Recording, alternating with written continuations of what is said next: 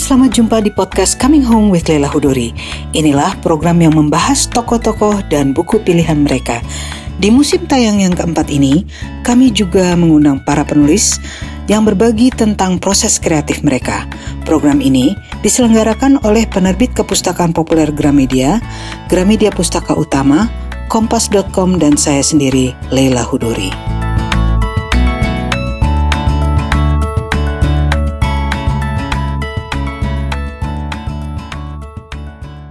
Inspektur Locke benci bau rumah sakit. Saat ini, bau menyengat antiseptik menguar di udara, mendera indera penciumannya. Bukannya dia memiliki kenangan buruk terhadap tempat ini, tetapi bau busuk ini mengingatkannya pada kamar mayat. Inspektur Locke telah lama bertugas di kepolisian, dan tak terhitung berapa kali ia sudah melihat mayat. Namun, ia belum juga terbiasa dengan baunya. Tapi, Siapa pula yang bersemangat melihat jenazah selain seorang nekrofilias?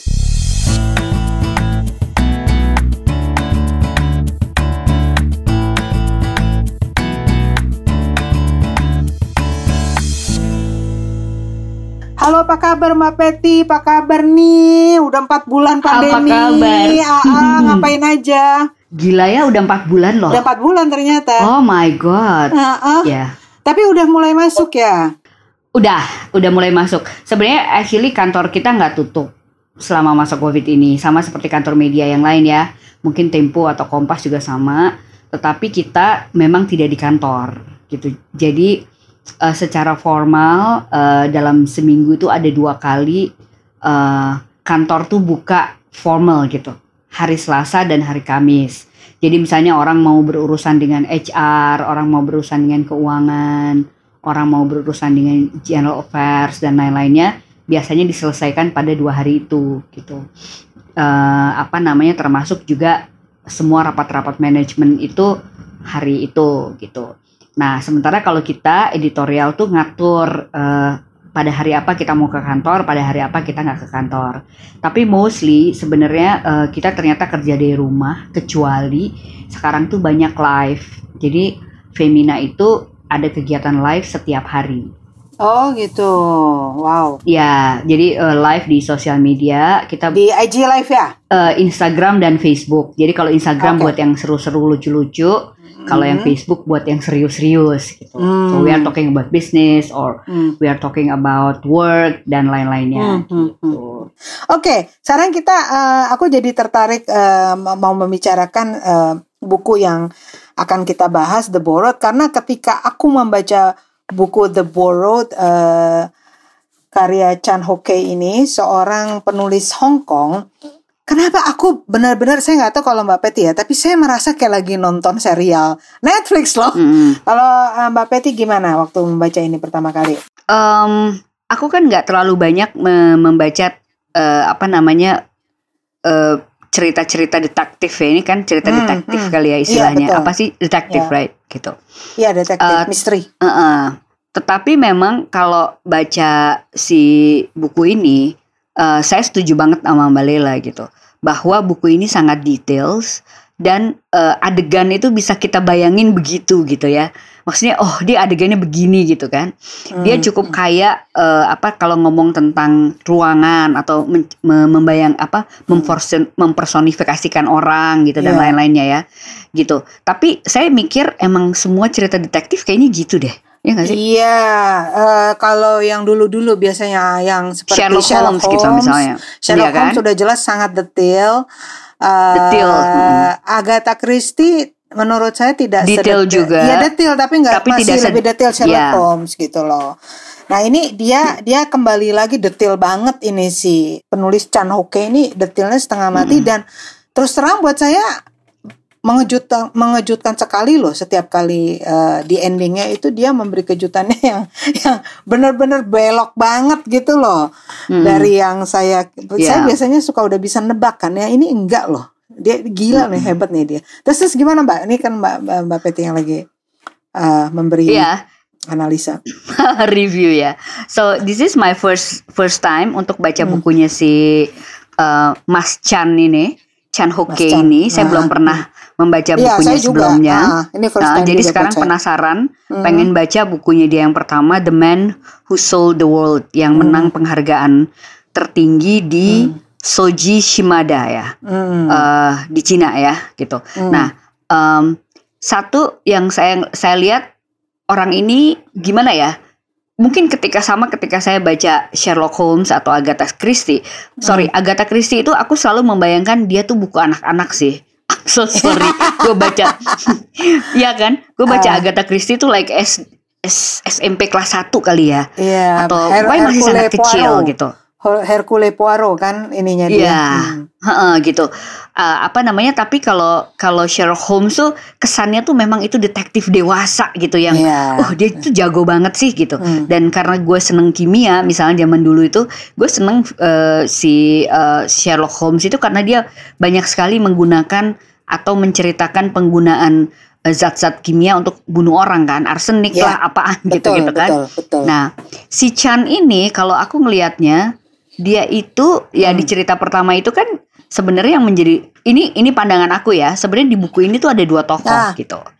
Tokoh yang pertama adalah si superintendent yang hebat itu ya, kan. Kwan Chun Dok. Um, Mm-mm. mm-mm, gitu. Nah, tetapi eh, ada tokoh lain yang juga selalu dibawa-bawa di semua film eh di semua Hmm. buku ini atau di semua Ah, cerita itu episode. adalah Hmm. Si Sonny Lock itu Ya, Sony Lock. gitu Hmm. sebagai proteginya si uh, superintendent ini kan Ya, gitu. betul. Jadi kalau aku ngelihatnya tuh kalau saya tadi bilang uh, detektif yang low profile itu adalah Sonny Lock. Oh, oke, oke. Gitu. Kalau si Dok Sony Lock. rada rada rada rada tahu ya bahwa dia pinter ya. dia Ya, tahu ya bahwa kalau dia jenius ya. Bener. Kalau si Dok tuh tampil gitu Dia bahwa gue tuh bisa Ah. uh-uh, gitu. Eh, Dan uh, tetapi dia itu kan selalu diceritain dia ini uh, orangnya apa? uh, pelit katanya ya. Ah. Orangnya pelit gitu. Pokoknya hidupnya hemat dan segala hmm, macam. hmm. Tapi kalau kita baca seluruh buku itu, orang ini tidak pelit untuk berbagi ilmu dia gitu. Betul. Dia malah seneng kalau anak buahnya itu uh, kecipratan pinter dia gitu. Ya, ya, Something like that. He's a very good teacher ya. Ya, very good teacher. Mm-mm. Oke, ini untuk keperluan eh, kawan-kawan pendengar yang mungkin belum membaca karena buku ini cukup baru ya diterbitkan oleh Gramedia Pustaka Ya. Utama tahun lalu, diterjemahkan oleh Ratih Susanti. Ini sebenarnya buku detektif yang cukup em, apa ya, cukup konvensional. Awalnya kelihatannya begitu ya. Hmm. Jadi nama tokoh super detektifnya tadi udah disebut oleh Mbak Peti Kwan Chun Dok Mm-mm. digelari eh, Sang Mata Surga ya. Mhm. Eh, kalau di dalam bahasa Inggrisnya digelarinya apa Heaven's Eye gitu ya. Eh, Heaven's jadi- Eye. Ah, Ya. ah. jadi karena matanya tuh tajam sekali apa hal-hal yang tidak bisa dilihat oleh mata Kecil. biasa kayak Mm. kita-kita ini sama dia kelihatan. Nah, dia itu tingkat keberhasilannya mencari memecahkan eh, kasus-kasus terutama kasus pembunuhan itu 100%. Bayangin coba 100% men. Hmm. Kalau di Hmm. cerita detektif Gak pernah lain kan gagal. Ah, ah, biasanya kan ada dong satu dua gagal ini enggak dia nggak pernah dia selalu berhasil dia sebegitu sempurnanya dan uh, kita juga melihat satu lagi yang tadi Mbak Peti sebut sebagai uh, seorang detektif yang agak lebih low profile yaitu muridnya ya Uh, Ya. atau anak buahnya anak buahnya lah ya nah, gitu yaitu si Ya. Sonny Lock namanya Sonny Lock. Ah, ah. Ya. Nah, yang menarik nih Mbak Peti yang saya mau tanya, kan kalau di novel-novel lain yang detektif maupun yang tidak detektif itu kan kronologi kan biasanya mulainya justru dari awal kronologi sampai nanti akhirnya gitu ya. Ini Ya. ini yang menarik si eh, penulis Chan Ho Kei ini terbalik.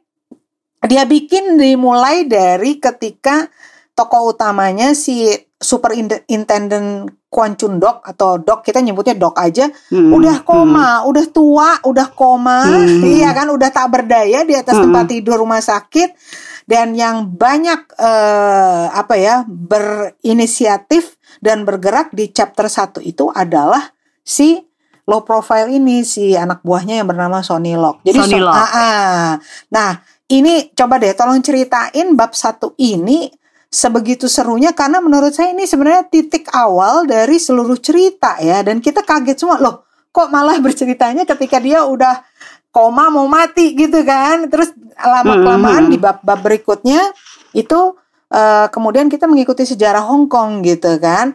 Uh, bab berikutnya yeah. nanti ada pemberontakan kelompok kiri tahun 67, kemudian ada uh, Komisi Anti Korupsi Hong Kong tahun 77, kemudian pembantaian Tiananmen 89 sampai uh, triat dan sebagainya. Jadi benar-benar ngikutin mm. milestone-nya Hong Kong. Itu selalu ada Uh, pemecahan kasus. Tapi ini dimulainya dari ketika dia tua. Coba deh uh, Mbak Peti ceritain ke saya ketika hmm. pertama-tama membaca justru ketika detektifnya sedang koma itu gimana reaksinya karena kalau buat saya saya terkejut banget tuh ya jadi uh, mungkin gue cerita sedikit mm -mm. Uh, apa yang saya lakukan ketika saya menerima buku ini ya ah.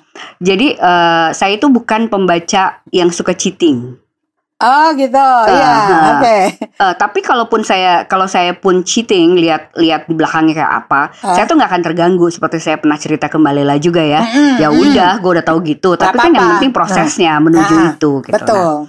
Nah, uh, tetapi saya hari ini uh, melakukan sesuatu yang rada berbeda. Jadi saya lihat daftar isinya. Kan gue nggak hmm. kenal nih sama si uh, penulis ini ya, gitu. Okay. Dan hmm. ketika saya baca uh, daftar isinya ini, oh Eh, saya melihat selintas bahwa setiap cerita itu sebenarnya habis. Iya, kayak cerpen, ya kan? kayak cerpen panjang. Kayak cerpen ya, hmm. gitu ceritanya habis. Hmm. Uh, uh, apa namanya? Tetapi tokohnya sama. Iya. Jadi lingkup betul. tokohnya tuh sama. Betul. Uh, yaitu si uh, apa namanya si superintendent ini si, si Doc, Kwan Chun Doc. Doc. Uh, mm-hmm. dan Sony Lock itu Sony Lock. gitu kan. Mm. Jadi kalau kalau saya mungkin rada beda nih sama Mbak Lela. Mm. Saya merasa Oh loncat-loncat ya bacanya? Ya, oh, saya loncat-loncat. Iya. Jadi tokoh dari buku ini tuh sebenarnya dua gitu. Memang. Si memang. Doc dan Sonny Lock iya. gitu. Uh, apa namanya dan mereka tuh uh, kayak saling berkaitan satu sama lain di banyak cerita gitu. Betul, betul. Uh, gitu ya. Nah, terus saya mulailah dengan yang bab satu gitu. Yang bab okay. satu ini um, saya saya membaca dengan nggak pakai ekspektasi hmm. gitu. Saya baca aja gitu. Hmm. Uh, kayak apa sih ini ceritanya gitu hmm. uh, sebagai seorang sebagai suatu cerita detektif gitu. Yeah, yeah. Nah terus udah gitu. Uh, saya saya kan selalu baca orang ini siapa gitu. Tadi udah dibilangin bahwa si penulis buku ini adalah seorang uh, ahli uh, software komputer ya Betul. gitu. Salah satu pekerjaan di luar dia menulis gitu. Hmm, hmm. Jadi ketika dia bilang bahwa uh, ini uh, si superintendent ini lagi koma Uh, lalu kemudian ada satu satu uh, kasus pembunuhan yang sangat besar di, di Hong dalam sebuah keluarga besar di keluarga sebuah keluarga besar ya? hmm. nah, bilioner jadi kayak rich, crazy rich Asian gitu kali ya hmm, gue nggak bayangin ini kayak gitu kayak banget dan rumit gitu keluarganya yeah. uh. terus uh, dia tuh mencari kayak mencari bantuan dari si apa namanya si supervisornya yang udah sekarat ini kena kanker hmm. itu kan gitu. Hmm. Nah, saat itu saya ngelihat oh dia nih e, mau memperlihatkan sebuah cerita yang menggunakan komputer. Hmm, tadinya jadi begitu ya. jadi gitu. Jadi kecanggihan komputer kan sial banget ya. Hmm. Jadi kecanggihan komputer di mana uh, dia itu bisa me memanipulasi uh, EEG. EEG itu hmm. sebenarnya kan sesuatu yang biasa ya gitu. Yeah. Kalau kita uh, jantung kan EEG juga. Yeah. Kalau kita mau periksa jantung segala macam, tapi dia uh, yang di apa yang ditangkap adalah uh, sinyal di otak hmm, gitu. Hmm. Sinyal di otak ya si si uh, dok ini yang udah sekarat gitu. Hmm, Dan hmm. dia bilang kepada semua uh, saksi ini belum tersangka hmm. ya hmm. bahwa uh, apa namanya si dok ini bisa menjawab pertanyaan-pertanyaan kita gitu hmm, melalui hmm. si mesin itu kan yeah. gitu. Nah, aku tuh baca kan oh ini menarik juga ya gitu hmm. uh, apalagi kan mengandung gosip itu gitu saya saya tertarik pada sebuah keluarga yang rumit kayak begini gitu ya sebuah keluarga yang sangat kaya di Hong Kong gitu dan uh, dia punya punya tiga uh, anak laki-laki yang hmm. satu udah mati kan hmm. anak yang paling besar mati udah gitu hmm. ibu bapak uh, ibunya meninggal lebih dulu lalu si ayahnya terbunuh dengan hmm. sangat mengenaskan kan gitu hmm. ini aku sampai bikin ini nih lihat mbak bikin oh soalnya rumit gitu kan ah, ada ada rumit. apa ada anak dari siapa dan sebagainya dan terus nama-namanya kan buat kita awalnya agak susah diingat kan. Tidak familiar ya. Ah, jadi saya harus catat supaya saya ingat gitu loh. Dan itu ada bukan hanya keluarga loh, ada apa asisten, ada Sekretaris, asisten rumah gitu-gitu. tangga, ada sekretaris, Ha-ha. ada yang kayak begitu begitunya ternyata kan penting sekali gitu ya. Jadi saya harus tulis tuh itunya apa semacam family tree-nya. Oke, go ahead terus terus. Hmm.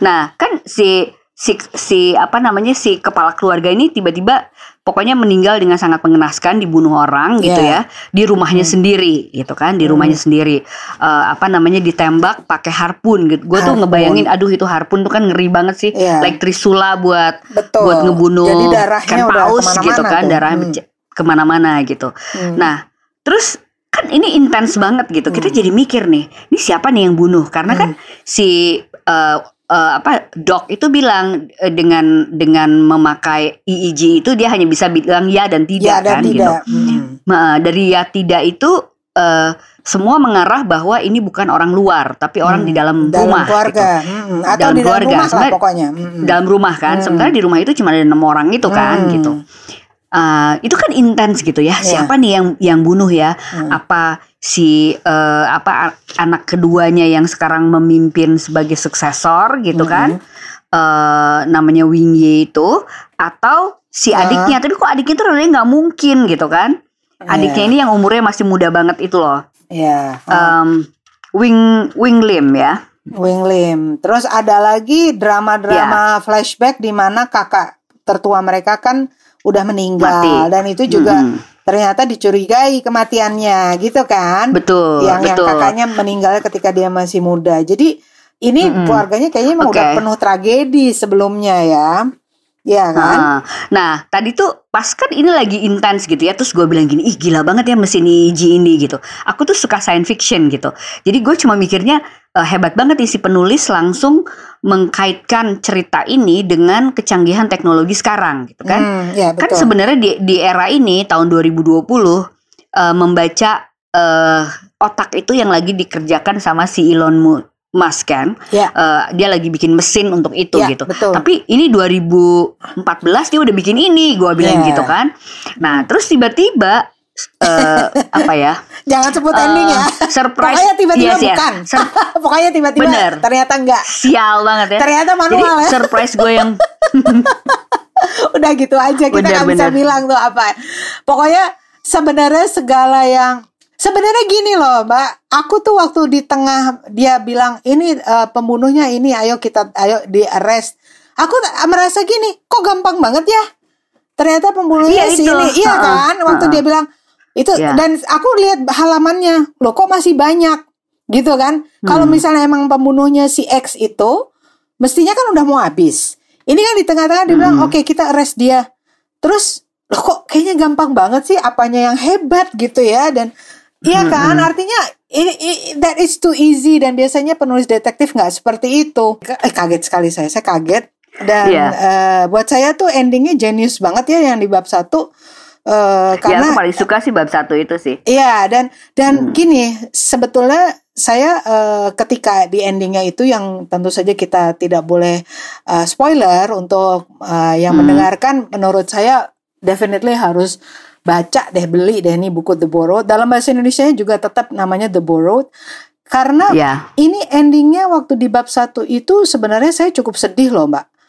Eh, iya kan karena ini ini si Hmm. si dok ini eh, sebenarnya sudah di tepi udah di tepi ya dia udah koma kan gitu loh jadi Ya. eh, nasib dia tuh sudah sudah sebenarnya udah hampir selesai sebagai sebagai orang yang berfungsi gitu. Saya sedih banget Ya. gitu sebenarnya. Tapi kan terus lama kelamaan di bab dua bab selanjutnya itu kita malah kronologi mundur gitu. Jadi eh, kembali ketika dia masih muda gitu. Eh, ini kan eh, tadi kan Mbak Betty cerita bahwa eh, bacanya lompat-lompat ya dan itu memang bisa Mm-mm. dengan dengan dengan bentuk seperti Bisa. ini kayak kayak perku- kayak kumpulan enam novela yang disatukan dan mereka bisa dibaca terpisah ya. ya, kayak semacam Nah, gitu, benar. Ah, ah. nah ini eh, dia kan selalu menggunakan sejarah Hong Kong sebagai background ya. Eh, Hmm. Ya tadi ada pemberontakan kiri di tahun 67, ada Hmm. eh, apa ribut-ribut antara polisi Hong Kong dengan eh, semacam ininya kita ya KPK-nya kita di situ kan juga ada komisi Ya. independen anti korupsi gitu ya. malah kita yang katanya Mm-mm. meniru uh, bentuknya mereka Hong katanya. Ah, ah, katanya kita Mm-mm. kan uh, rada meniru di situ. Terus ada Tiananmen dan sebagainya. Nah, uh, saya mau tahu komentar Mbak Peti. Dia menggunakan semua se- apa background milestone-nya sejarahnya Hong Kong dan Cina seperti Hong itu. Kong. Ah, dan Cina juga ya yang Tiananmen itu Hmm. um, apa gimana what's your what's your opinion on that gitu ya bahwa dia menggunakan karena kan biasanya kalau cerita de- detektif tuh jarang menggunakan eh, sejarah politik eh, negaranya Mhm. Mungkin karena settingnya polisi ya. iya heeh. Ya, Ah. jadi eh, kan dalam suatu dalam suatu apa namanya dalam suatu negara eh, polisi itu sebenarnya perannya besar ya. Eh, langsung Hmm. terjun ke masyarakat sebagai eh, penegak hukum gitu. Nah, kalau kita ngelihat Hmm, hmm. sebenarnya semua semua sejarah Hong Kong yang dia tampilkan sebagai background itu adalah yang Hmm. kaitannya dengan eh, penegakan hukum.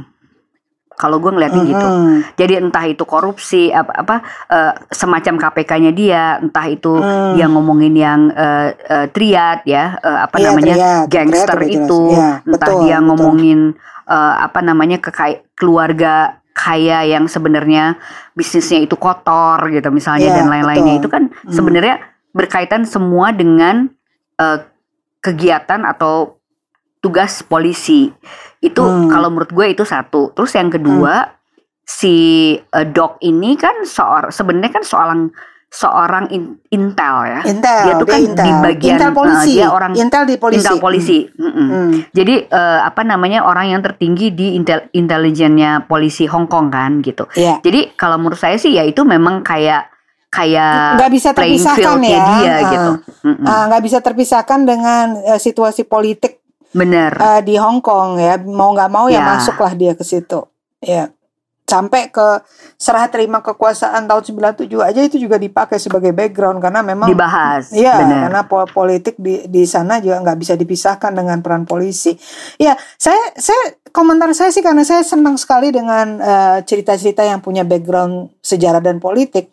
Ini pinter Hmm. loh si Chan Ho Kei ini karena gini biasanya kan Ah, eh, cerita-cerita detektif yang saya baca yang umum gitu eh, bahkan ya kayak Sherlock Hmm. Holmes dari yang abad 19 seperti itu sampai yang terbaru J.K. Rowling kan juga bikin eh, serial Iya. detektif kan yang eh, Cormoran Detektif. Strike Hmm. ah, Cormoran Strike tapi dia namanya pakai nama Robert Galbraith itu mereka nggak terlalu sering mau menggunakan background politik gitu Bia- biasanya sedikit aja gitu tapi dia nggak mau nggak mau Hmm. pakai yang gede-gede gitu nggak mau mendalami nggak mau Hmm. ah. nah kalau si Chan Ho Kei ini kayak sengaja eh menurut saya sih satu ini ini ya analisa saya aja sih kayaknya dia Hmm. kepengen sekalian memperkenalkan Hong Kong kepada pembaca karena kan eh, pasti Ya. untuk mereka yang udah pernah ke Hong Kong berasa banget kan itu ya kan ya ya Hong Kongnya. kowloonnya ah, kowloonnya apa Hmm. gitu kayak aduh jadi pengen ke sana Hmm. lagi gitu kan terus bener bener eh, dia kayak ingin memperkenalkan Hong Kong jadi untuk mereka yang belum pernah jadi kepingin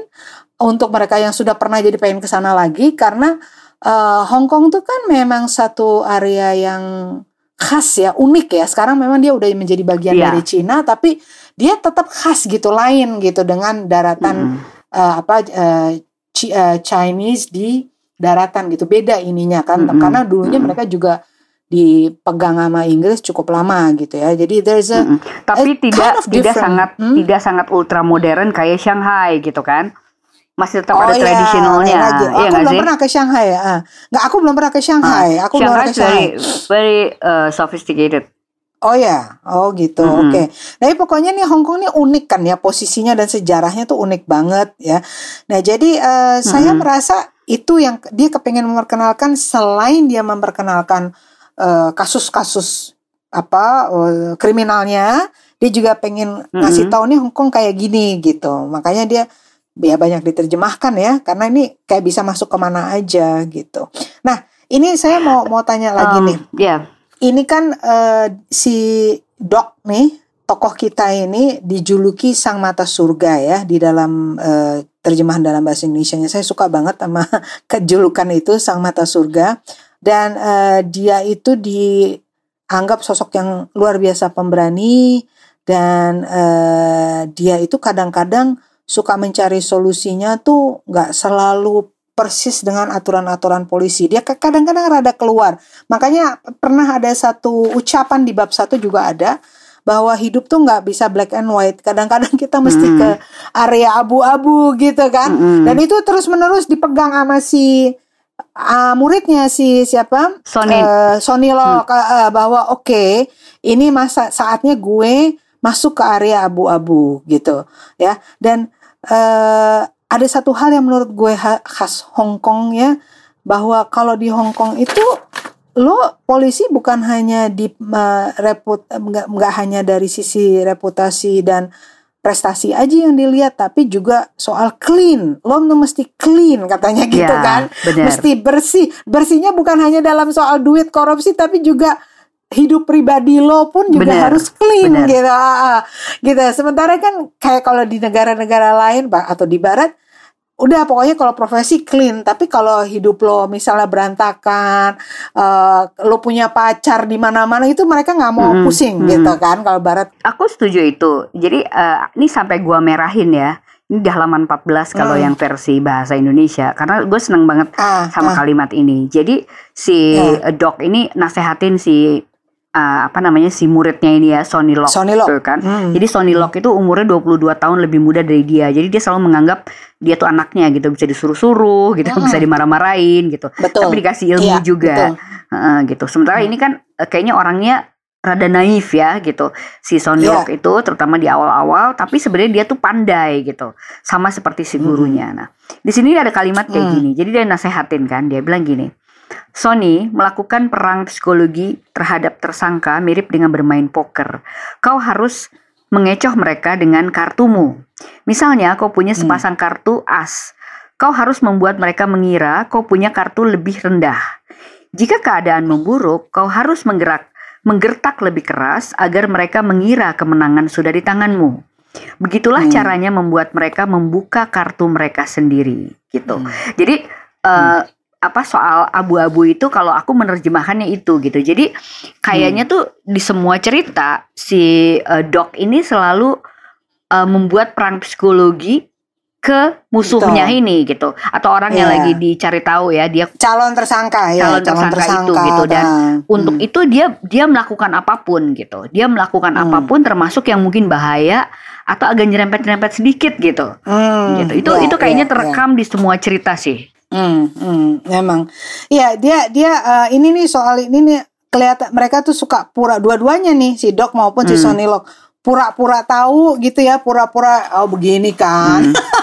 Yeah. Padahal sebenarnya Belum dia tahu. nunggu sampai ah, ah, di, sampai di sananya nanti akhirnya mengaku gitu loh. Jadi um, saya nih misalnya nih aduh saya nih gimana ya cara ngomongin bab satu tanpa spoiler ya.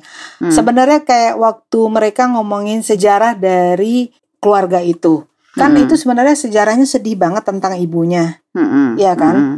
E, bagaimana sebenarnya e, ibunya akhirnya terpaksa kawin sama bapaknya. Iya kan? Yeah. Ingat kan gimana? Yeah. Itu kan satu bagian yang surprising, yang mengejutkan dan sedih gitu dan tragis ya. Uh, yang membuat saya, aduh, kok uh, masih ada ya uh, peristiwa seperti itu gitu loh di mana hmm. uh, ya si perempuan terpaksa kawin sama si si hmm. laki perempuan, itu. Nah, perempuannya kan, diperkosa. Nih gue kasih spoiler ya. perempuannya di di rape sama satu gangster, satu geng uh, berandalan gitu kan sampai hamil ya, karena dia nggak mau nah, menggugurkan kehamilannya. Ya, dan akhir nah dan ternyata ter... gue nggak nah, boleh ya.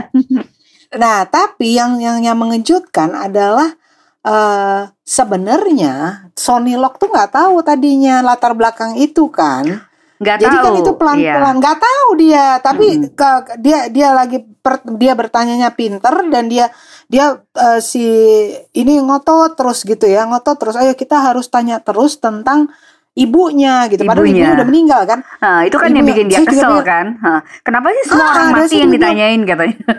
yang ditanyain kok semua, semua orang, orang mati. tentang ibunya Ternyata dan itu tentang kuncinya. kakak, nah. kakak pertamanya. Itu aja. Saya juga agak saya terus terang merasa ini kenapa sih hmm. pas dikasih tahu sejarahnya langsung aduh udah deh. Hmm. Di situ saya merasa ini emang kompleks nih, hmm. complicated nih keluarga ini. Hmm. Gitu. Hmm. Jadi aku aku mikirnya kan tadi saya bilang bahwa uh, ada satu note bahwa buku ini uh, hak hak cipta filmnya atau hak hak siar Betul. filmnya itu sudah diambil oleh Wong Kar Wai gitu. Wong Kar Wai Ya, gitu loh betul. gitu kan. Gitu. Jadi Ya, terus gue ya. selama membaca tuh aku mikir dia mau dia mau mengambil mengambil cerita yang mana ya Yang mana? gitu. I don't Hmm. think dia akan ngambil semuanya karena itu akan sangat rumit ya kalau buat Enggak, eh, enggak. apa kalau buat film kecuali dia bikin film Hmm. seri gitu kan. Em, mungkin yang akan diambil mungkin cerita yang pertama ini karena sebenarnya Hmm. sangat rumit dan sangat Hong Kong sebenarnya Iya, sangat banget, Hong Kong banget. gitu ya eh, apa perseteruan di dalam keluarga yang sangat besar melibatkan uang Hmm. yang sangat banyak sekali lalu Hmm. skandal di mana-mana gitu dan lain-lainnya atau Hmm. di cerita yang lain ada yang gue suka juga itu yang tentang eh, apa namanya eh, pokoknya itu dark side-nya Hong Kong ya tentang narkotika Yang gitu. triad, bukan? triad ya Oh, yang narkotika. ya itu Oke, juga menarik Eh, pertama aku juga menebaknya begitu. Salah satunya mungkin ini banyak sekali interior ya untuk sebuah film Mm-mm. eh, menceritakan interior. Palingan flashbacknya aja nanti yang yang eh, apa di luar gitu ya. Tapi selebihnya itu, ah, selebihnya Mhm. banyak interior. Atau kalau misalnya itu dibelinya seluruhnya bisa aja dia bikin serial. Kan Iya. zaman sekarang Mungkin kan untuk lebih Netflix. banyak serial ya untuk mungkin Netflix ya dan mungkin untuk gitu Netflix kan. kayaknya bisa tuh keren Halo, saya Leila Hudori, host dari podcast Coming Home. Penerbit Kepustakaan Populer Gramedia mempunyai beberapa rekomendasi buku. Pertama, sebuah novel yang baru saja diluncurkan Koma Books penerbit KPG pada Juli lalu berjudul Yang Tak Kunjung Usai karya Awi Chin. Novel ini berkisah tentang anak Jakarta yang bernama Saul yang pindah ke Senjau, sebuah desa di dekat Kapuas. Lalu bercerita juga tentang Bagas, si ketua kelas yang berkawan dengan Saul dan Mei. Ini kisah persahabatan, coming of age, dan perkenalan kita terhadap kehidupan di sebuah desa di Kalimantan. Bentuk paperback 388 halaman. Buku berikutnya adalah buku seri Tempo berjudul Wali Nusantara, Jejak Perjalanan Syiar karya redaksi Tempo. Buku ini berisi tentang syiar Islam yang tak hanya dilakukan oleh Wali Songo di Jawa, tetapi juga oleh mereka yang menyebarkan Islam setelah era merdeka. Di Aceh misalnya, itu ada nama Abdurrauf Al-Singkili yang mampu menjadi penengah pertikaian antara pemeluk Islam dan mereka yang mengembangkan tarekat Syatariyah. Di Pulau Bawean, ada Waliyah Zainab yang meneruskan misi suaminya yang tewas untuk menyebarkan Islam dengan menonjolkan kesadaran komunal lewat zikir dan puja-puji. Buku ini juga mengisahkan sembilan tokoh lain dari penjuru Nusantara yang menyebarkan Islam secara damai. Semua buku ini bisa Anda peroleh di semua toko buku Gramedia atau juga bisa memesannya melalui gramedia.com.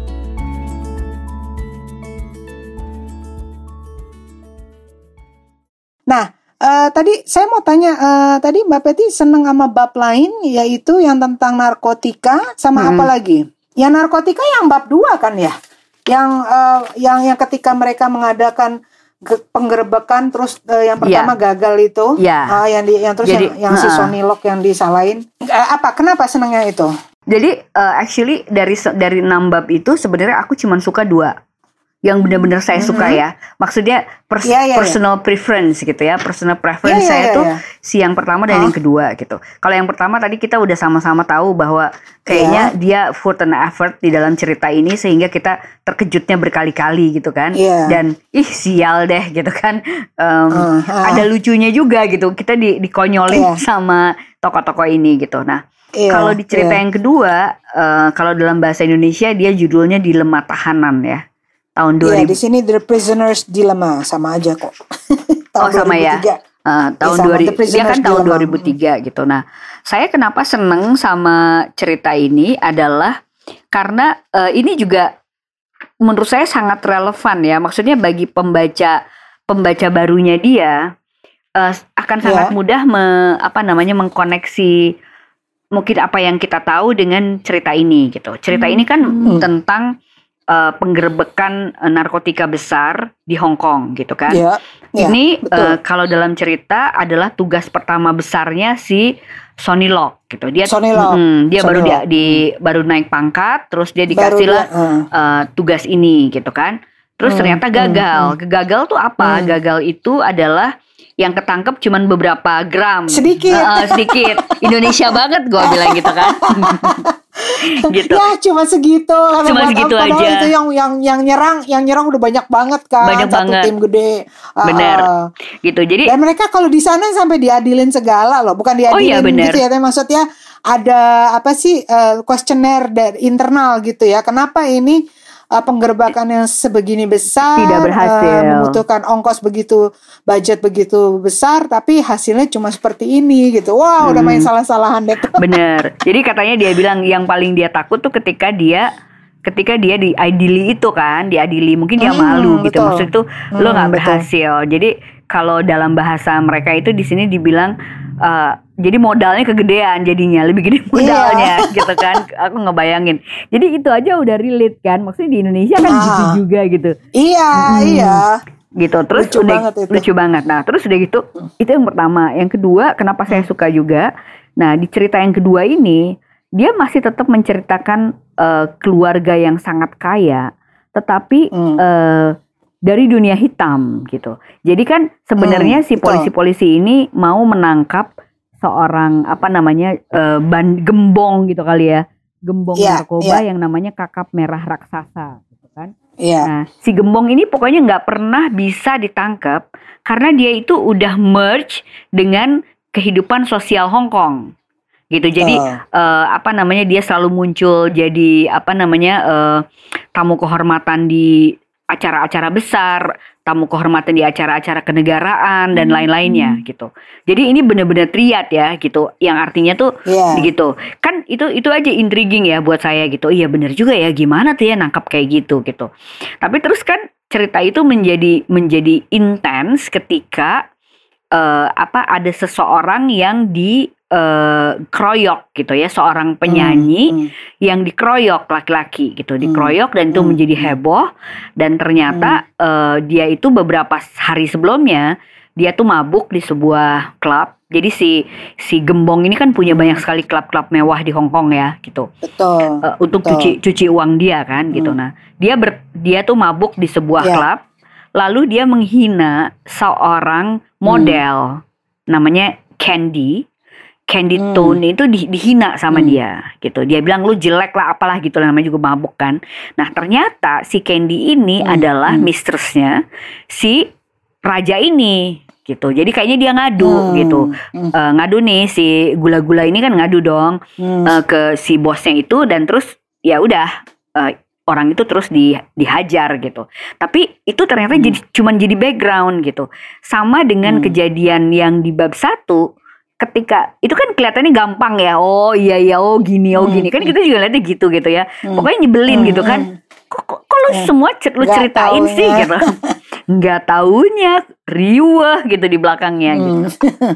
itu menurut aku cerita yang nomor dua itu bagus very interesting Iya. ya buat aku ya karena mungkin gue seneng dunia entertainment ya jadi gue nggak bayangin Ah. oh ya ya ya benar-benar benar Iya. Eh, apa namanya Hmm. orang-orang orang-orang eh, dari dunia hitam itu kan berkumpulnya di dunia entertainment karena nggak kelihatan ya betul betul gitu Juga ceritanya Gini, eh saya ngelihat khasnya dia di, hampir semua ceritanya awalnya selalu kelihatannya straightforward ya, lurus-lurus Oh, aja. sebal. Ah, aw- awalnya ini nih, oh oh iya ini nih pembunuhnya, oh ini biangnya kelihatannya. Tapi pas kita menyadari enggak ini baru tengah nih ceritanya nih.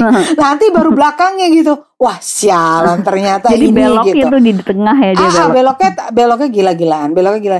Saya berapa kali beneran terkecoh. Biasanya saya tuh kalau baca cerita-cerita detektif apalagi serial-serial gitu ya di Fox sama di uh, AXN itu kan banyak banget serial Banyak, detektif. banyak. Aku udah tahu aja gitu. Ada Oh, udah lah pembunuhnya ya, ini gitu. gitu. Ah, ah, ini aduh jago banget deh dia seneng aku. Nah, Eh, eh, tapi oke, tunggu, aku mau ini- nanya kamu hmm, dong. Kalau kamu sukanya yang mana selain yang pertama? Kita kayaknya sama-sama suka yang pertama ya, Mbak Lila ya. Aku senang yang pertama, yang kedua juga aku suka 1989 bukan? Iya, betul. Hmm. The Balance of Themis. Saya nggak tahu Ya. di bahasa Indonesianya, Neraca tapi di bahasa Indonesia The. Balance. Themis. Oke, itu. Ya. Ya itu juga Kan bagus. tahu Ya, karena tahu sendiri aku kan sekolah ada background politik politik Mm-mm, sejarah gitu kan suka aku. Tapi no, itu eh, even tadi yang Prisoners di Dilemma juga bagus kok. Dia bagus eh, Mm-mm. karena untuk saya untuk ukuran cerita detektif dia tetap bikin saya uh, terkecoh terus Bener. gitu loh. Ah, jadi kalau udah nggak mudah ketebak tuh saya suka ya. Nah, um, cuma setelah saya baca baru tiga atau empat chapter aja, ada satu nih yang saya mau tanya nih sama Hmm. Mbak Betty ya. Ini berasa nggak sih bahwa ini semacam kritik tapi sekaligus kekuatan dia, tapi sekaligus ada kritiknya. Kayaknya gue tahu deh lo mau ngomong apa. Ah, iya udah tahu. Kayaknya si dok ini nih si superintendent kayaknya ini ya nggak ada nggak ada ke- kelemahan apa pun ya. Ya. Artinya dia brilian banget, nggak pernah gagal gitu loh. Ya. Gue mau nggak, gue maunya paling nggak ya manusiawi pernah lah gagal sekali gitu. Ini enggak loh. Itu sukses terus Iya. gitu loh. Jadi aku agak wow, he is so brilliant gitu. Itu Itu, apa- aja sih kalau aku. Kalau Mbak Betty gimana? Apakah itu ditunjukkan sama dia karena dari awal di chapter pertama udah dibilang dia itu nggak pernah gagal ya? Iya, dia think? kan udah bilang 100% gitu. Ya emang aku waktu baca di sinopsis aja ya, dia ke- ininya 100% aku udah hah belum pernah tuh gue denger ada teknik. Terus aku pikir ya udahlah ini ciptaan dia gitu Hmm, ya. hmm. Ya udah gitu. Pokoknya ih tebakan-tebakan dia rata-rata tuh hampir semuanya tuh tepat on point gitu. Jadi aku merasa wah ini dalam hidup yang sebenarnya susah ini nyari detektif sejago dia. Sejago gitu. dia, Itu ya. aja sih aku. ah, ah. Cuman ya kepingin kita kepingin melihat ada orang yang sejago dia gitu.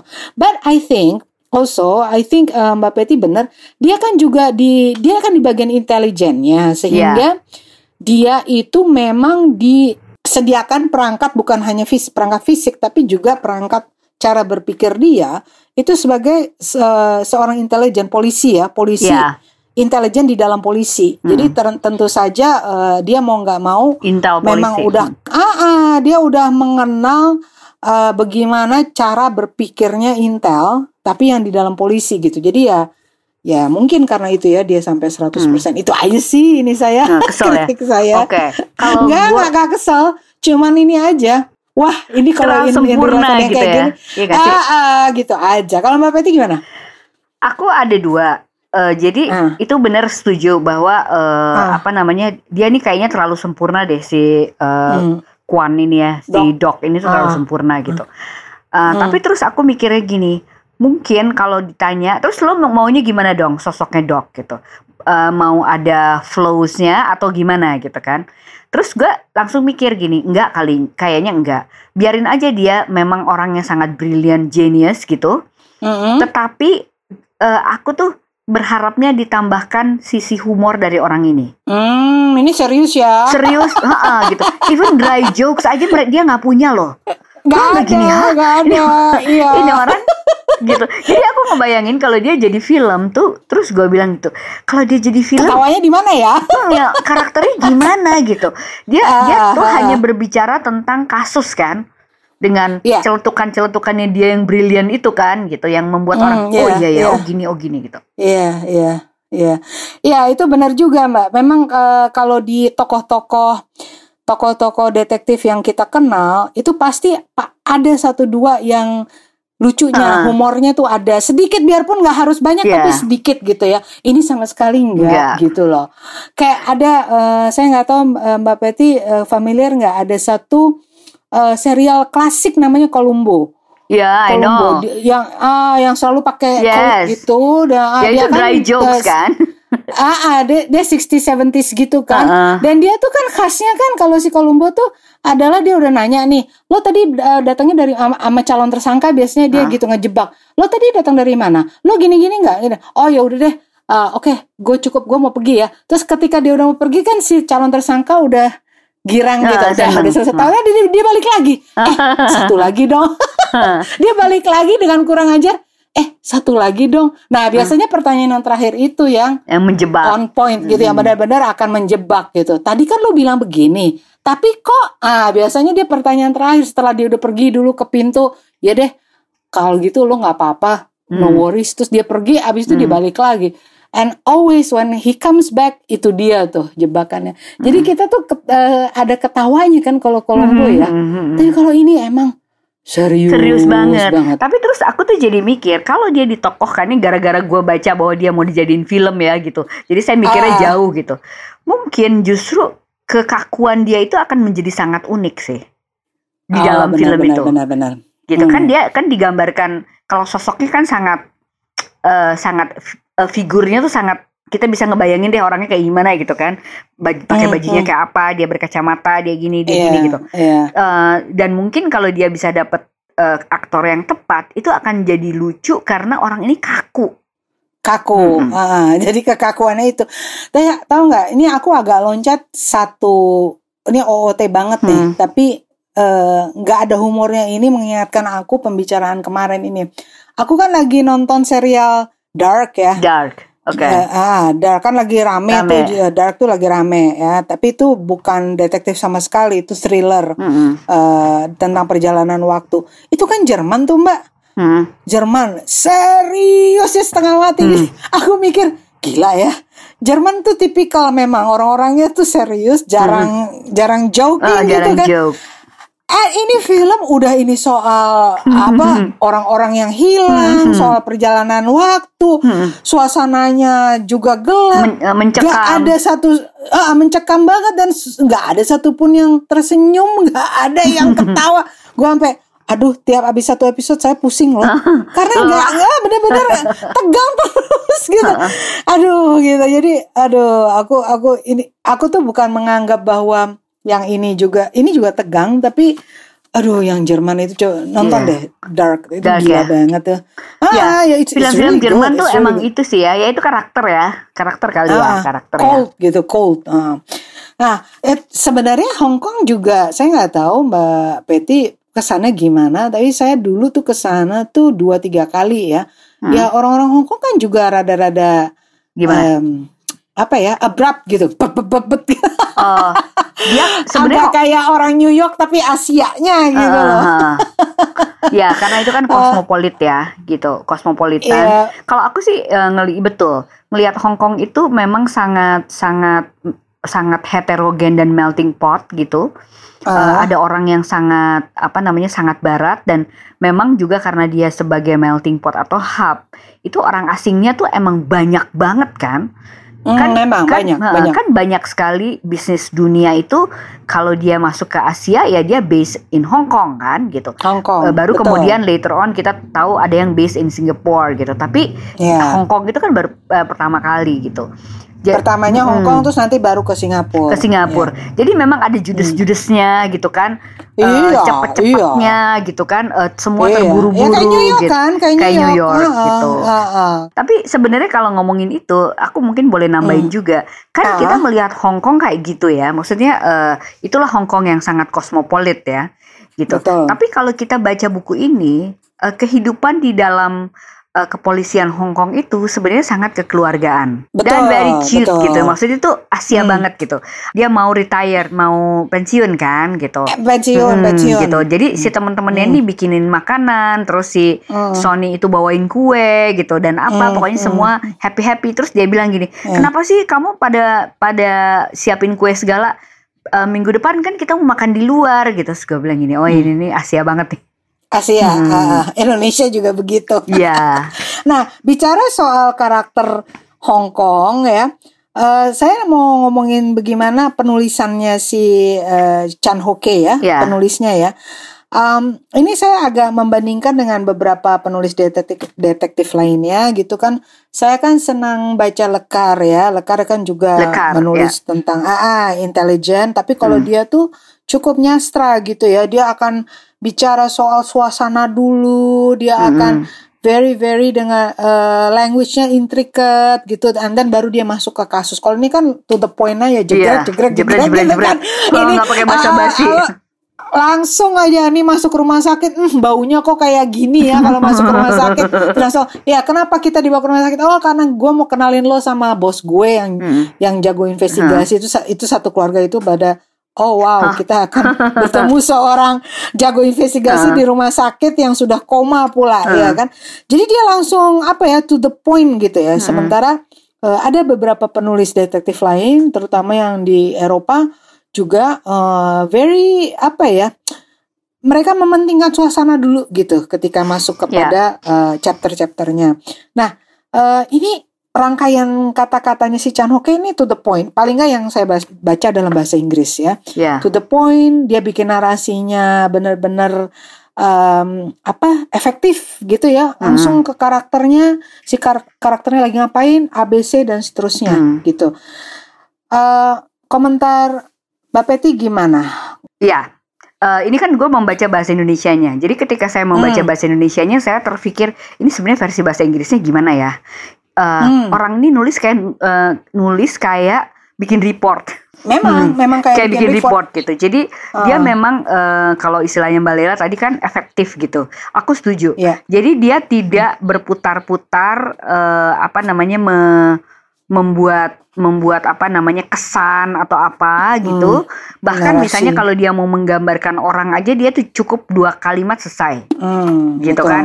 Dua Betul. kalimat tuh selesai gitu. Biasanya kan kalau penulis-penulis yang kayak gini dia tuh akan menceritakan mungkin satu orang tuh bisa satu paragraf gitu. Sepatunya Iya, gimana, dia senengnya misalnya badannya miring-miring atau dia kakinya Ah. gitu-gitu kan. Dia enggak. Dia Iya. sangat eh, visual aja udah gitu. Jadi Iya. eh, dia pakai baju apa, pakai kacamata kah gitu. Eh, apa namanya? pakai make up kah atau apa udah Hmm. bajunya kayak apa Hmm. gitu. Jadi kalau kalau aku lagi mikirnya gini, apakah si penulis ini dia nggak mau eh, jalan cerita itu diganggu oleh penokohan atau cerita yang terlalu bersayap? Karena dia tahu cerita dia I itu rumit so. I gitu. think so. I agree. Hmm. Bener. Mm-mm, bener. Dan Mbak, dia Mm-mm. ini by the way eh, ada novelnya yang terbaru terbit. Ini juga akan diterbitkan oleh GPU. Judulnya Sisters. Wow. Itu eh, kriminal kriminal detektif lagi. Heeh. eh, tapi itu IT. Jadi hackers. Wow. Tentang hackers. Nah Wah, itu itu itu rame. baca tuh. Kalau kita Keren. Google, aku kan, ah, aku kan lagi Google. Mm. Keren banget nih gitu. Itu dunianya dia Ceritanya. tuh ya.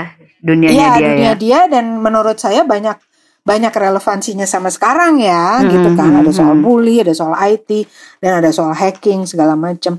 Apple tuh keren banget. Jadi dia seorang programmer kan, Hmm. yang kayaknya tuh eh, digambarkan di di apa di kantor itu tuh nggak banyak programmer, Hmm. apalagi programmer perempuan. Dan si Apple ini eh, apa namanya pikirannya radikal Yoi. gitu. Jadi artinya tuh dia sangat kreatif dengan eh, semua dengan komputernya Iya. dia yang udah kuno itu Iya, kan, gitu iya. kan, gitu. Nah terus eh, dia digambarkan tuh sebagai sebagai tomboy Hmm. gitu. Jadi katanya dia nggak pakai makeup, dia selalu pakai iya. topi, rambutnya keriting Sepatunya. gitu kan tapi dia pakai pakai pakai kuteksnya warna hitam gitu. Jadi saya ngebayangin ini lucu banget Ah, nih si Apple Iya, ini gitu. Iya. Nah, terus di tokoh yang namanya eh, eh, Candy Tone itu tadi Candy, ya, yang Candy. yang seorang model Hmm. itu yang menjadi tokoh di cerita Bab yang dua. kedua, Hmm. itu juga digambarkan Candy Tone ini sebenarnya eh, sangat kuat Iya. gitu. Dan dia tuh sebenarnya eh, menyaru. Jadi sebenarnya dia tuh bukan jadi nanti gue nggak bisa spoiler ya, tapi pokoknya orang itu tuh sebenarnya Iya. ada dua kepribadiannya. Dia tuh bukan dia gitu. Betul. Keren. Eh, ini aku kepengen masuk sebelum kita masuk ke pertanyaan netizen. Mhm. Ada highlight nggak mungkin tambahan dari Mbak Peti tentang buku ini atau tentang si Chan Ho Kei-nya? Kalau saya karena saya baru pertama kali membaca bukunya Chan Ho Kei ini, Mhm. eh, sepertinya saya memang akan membaca buku dia yang lain gitu. Saya mau Hmm. tahu eh, dia ini seperti apa sih buku-bukunya eh, selain buku yang ini gitu. Tadi kan Mbak Lila udah bilang Hmm. ada buku barunya dia tentang Sister. hackers ya gitu. Itu itu kayaknya eh, very interesting gitu. Eh, Hmm. Ada satu yang mungkin highlight dari aku tuh gini. Sebenarnya tuh pengarang Asia itu sangat menarik ya. Pengarang-pengarang fiksi Asia itu sangat menarik. Yang Hmm. generasi baru Hmm. ini ya, contohnya si Chan Hmm. Ho Kei ini gitu. Jadi Hmm. dia Hmm. ini em, ceritanya itu benar-benar bisa menggambarkan dunia kita sekarang seperti apa Gitu. gitu tetapi dia ngelihatnya tuh nggak dari luar gitu tapi masuk ke dalam gitu jadi kayak Hmm. jadi kayaknya dia memanfaatkan kekuatan dia yang lain contoh tadi misalnya dia kan seorang software engineer gitu itu Hmm, itu sangat hmm. terasa sih di dalam buku ini Hmm. sangat terasa gitu Hmm. gitu dan Hmm. dan Hmm. karena sekarang itu banyak penulis punya profesi yang sangat beragam, maka itu menjadi hmm. memperkaya buku-buku ini gitu. Itu yang aku mau Betul. ngomong sih. Menarik, iya iya benar benar benar benar. Jadi uh, ini apalagi nanti yang buku yang berikutnya ini yang Sisters itu itu menurut saya benar-benar dunianya dia ya. Karena di situ konon saya udah baca review-reviewnya dia yeah. benar-benar menceritakan kehebatannya hacking gitu loh hackers meskipun buat buat buat mungkin buat korporat yeah. nih yang namanya hackers menyebalkan karena bisa membahayakan jaringan ya. Tapi di dalam penemuan kriminalitas gitu ya, apalagi yang menyangkut bullying melalui internet itu penting banget ya, gitu kemampuan hacking supaya ketahuan gitu. Jadi uh, itu uh, apa bunyi-bunyi apa bau-baunya lebih benar-benar pada dunia yang modern yang abad 21 ini Mbak kayaknya kalau buku dia. Halo, masih bersama saya Leila Hudori. Ada dua buku baru rekomendasi penerbit KPG yang lain, yaitu How to Die, Seneca. Seneca sama seperti para pemimpin Romawi pada masanya menemukan kerangka moral dalam stoicisme, masa pemikiran Yunani yang dibawa ke Roma. Kaum Stoa mengajarkan pada para pengikutnya untuk mencari kerajaan dalam diri sendiri, kerajaan akal budi. Namun sedikit berbeda dengan pemikir Stoa umumnya, Seneca memberikan penekanan baru pada doktrin tersebut, yaitu yang berkaitan dengan berbagai bentuk kematian. Seneca percaya bahwa hidup hanyalah perjalanan menuju kematian dan bahwa setiap orang perlu berlatih mempersiapkan kematian sepanjang hidupnya. Buku ini diterjemahkan dari bahasa Inggris ke dalam bahasa Indonesia oleh Daniel Santosa terbit baru saja 18 Agustus yang lalu, setebal 196 halaman hardcover. Buku berikutnya adalah The Art of Restaurant Review oleh Kevindra Sumantri. Menulis pengalaman lidah memang asyik, tapi kita tetap memerlukan pakem yang bisa mempertajamkan tulisan tentang kuliner. Bukan hanya kemasan dan rasa, tapi juga sampai bumbu dan cara memasak. Buku ini cocok untuk siapa saja yang tertarik untuk menulis resensi makanan, restoran, atau mereka yang tertarik menulis tentang kuliner di media. Bahkan ini juga cocok untuk para food blogger yang ingin mempertajam ilmu menulis ulasan restoran. Tebalnya 133 halaman baru saja diluncurkan minggu pertama Agustus lalu, sampulnya soft cover, dan sekali lagi, seperti yang lain juga, buku-buku ini bisa diperoleh di semua toko buku atau toko buku Gramedia. Boleh juga Anda memesannya melalui gramedia.com. Kepada mereka yang tertarik mempromosikan produk Anda di podcast ini, silakan hubungi saudara Devi di 0816 947 070.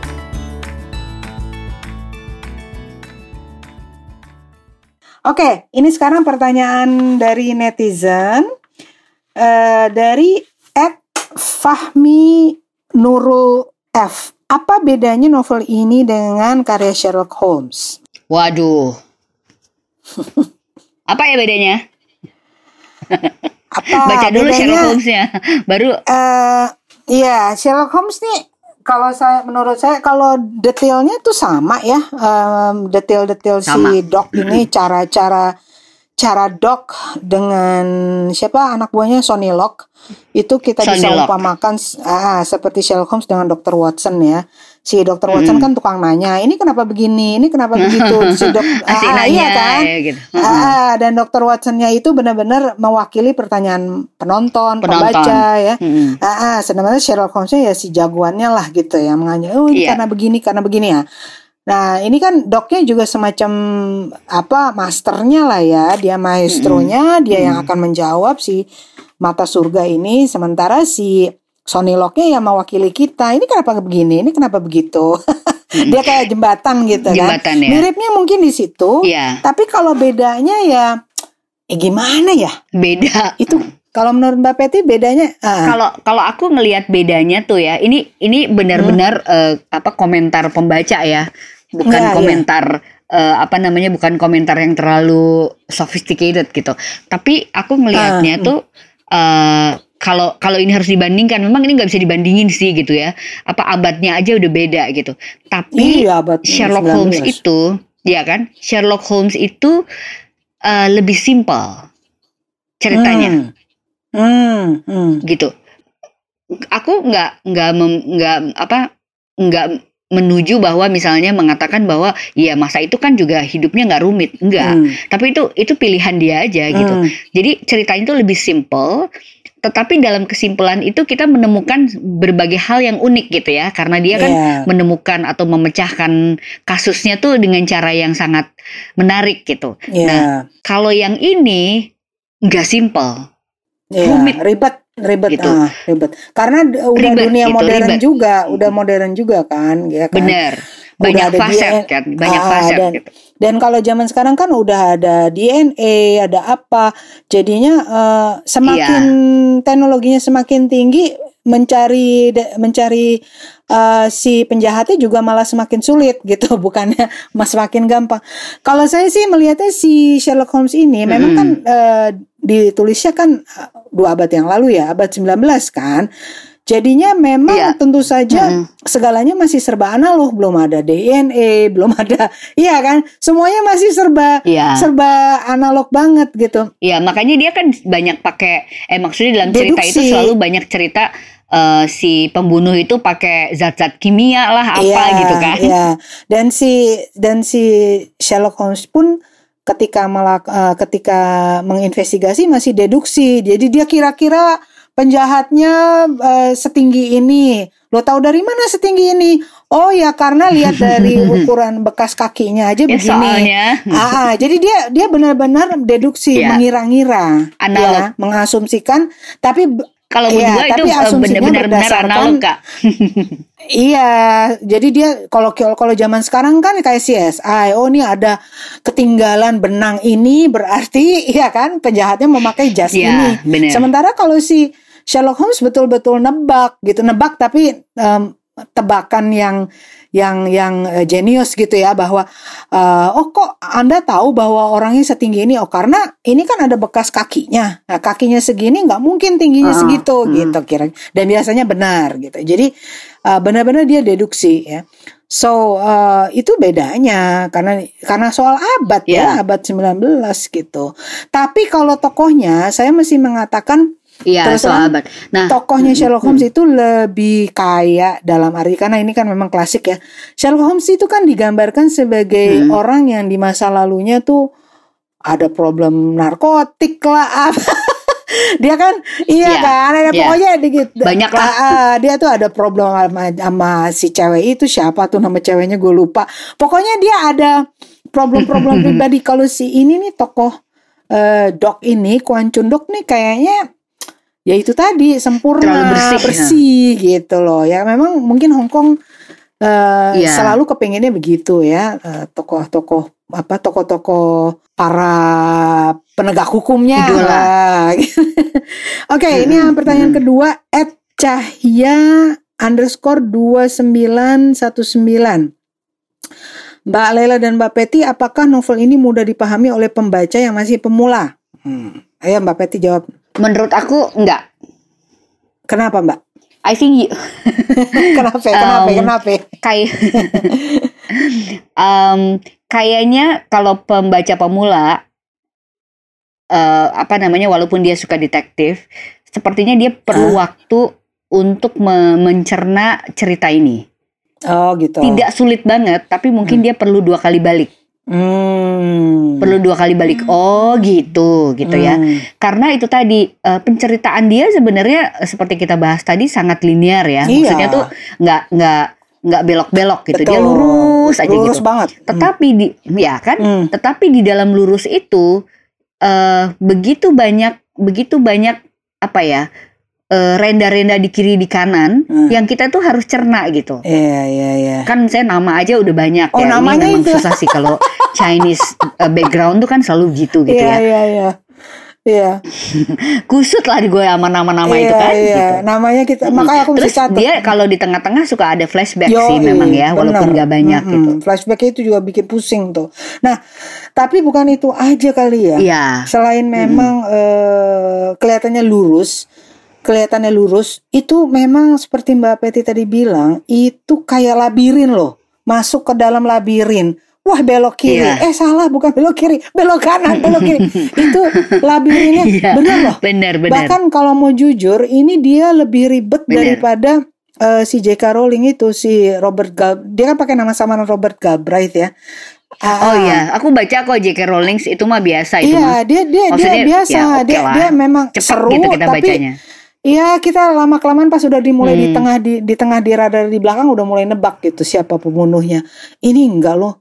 Waduh, jadi eh, Hmm. labirin ini lebih ribet Iya. ini dari cita-cita biasa. Cuman sih menurut saya biarpun pemula jangan jangan terus jadi apa ya, jangan kecil hati. Takut, Ah, menurut saya baca dong. aja karena Mm-mm. pertama ini terjemahannya oke, kedua eh apa ya? Em, seru gitu loh. Jadi ah, Bagus rugi pertama. kalau menurut Hmm. saya kalau oh ini jangan untuk pemula, jangan. Cuek aja, baca aja ya kan. Nanti kalau nggak ngerti balik lagi Ya, gitu. Ya, balik, Balik lagi. lagi. Saya eh, maksudnya gitu. Jadi aku mau membesarkan hati para pembaca muda Ah. ini yang masih baru baca tuh. eh nggak hina loh ya kalau kita baca suatu buku terus kita balik Hmm. Oh, lagi. saya sering, itu Mbak. saya juga melakukan sampai Iya, sekarang. saya juga sering. Kalau gue nggak ngerti ya gue balik lagi. Apaan sih itu tadi? Ah, aku, Iya nggak sih? aku, aku, ih, aku apalagi kalau yang namanya detektif, aku udah dua halaman. Hah, apaan? Coba-coba balik lagi gue. Habis gimana daripada Iya kita kan, nanti gitu. bingung ya kan? Bah, balik lagi aku. Iya. Aku nih memang baca ba- bahasa Inggrisnya, tapi kan Inggrisnya pun ini bukan eh, aslinya. Aslinya kan dia nulis dalam bahasa Chinese kan? Bahasa Cina nah, ya? ini ya, Mm-mm. iya, Kantonis ya? Mandarin. Hmm. Eh, Kantonis, ya, Mandarin. sorry, ah, Kantonis. Antonis Eh, kayaknya. di sini tulisnya Chinese ya. Lalu eh, diterjemahkan oleh Jeremy Tiang gitu. Jadi Hmm. eh, eh, tapi ya bagus ini terjemahannya bagus banget sih. Aku ngerti. Cuman tetap aja aku kembali lagi ke dua halaman sebelumnya. Kalau nggak ngerti bahwa tunggu tunggu tunggu. Ini tadi maksud dia apa sih gitu kan? Di aku sering Mm-mm. begitu. Iya.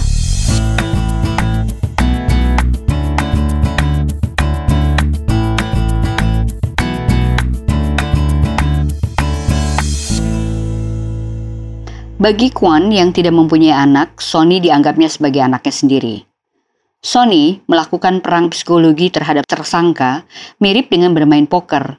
Kau harus mengecoh mereka dengan kartumu. Misalnya kau punya sepasang kartu as. Kau harus membuat mereka mengira kau punya kartu yang lebih rendah.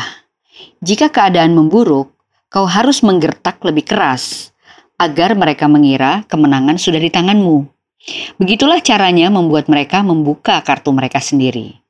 Layaknya ayah yang mengajari anaknya, Kuan mengajari semua metode yang dimilikinya. Oke, thank you banget, keren keren keren. Nanti kalau yang itu udah masuk, Mbak, yang eh, sisters, Nah. Ntar ini ya kita baca sama-sama Ya. ya. Itu masih beberapa bulan. Iya, itu lucu kali ya, bagus tuh. Kelihatannya itu. Itu juga kan Mm-mm, lagi Itu cocok masih- banget tuh. Itu cocok banget karena itu pernah ininya cewek tuh.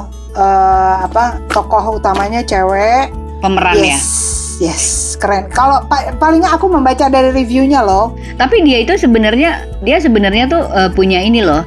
Dia kayaknya seneng dengan karakter-karakter ceweknya itu. Perhatiin deh. Nanti kalau belum perhatiin mungkin bisa dilihat. Hmm. Jadi si Apple itu sebetulnya powerful. Iya, iya Apple. Iya kan? Apple tuh keren banget loh. Iya. Oke, kalau gitu makasih banget ya Mbak Peti. Eh, eh, sampai nanti kalau nanti kalau udah ada buku berikutnya, ntar kita ngobrol lagi ya Mbak ya. Saya ganggu lagi ya. Oke, bye.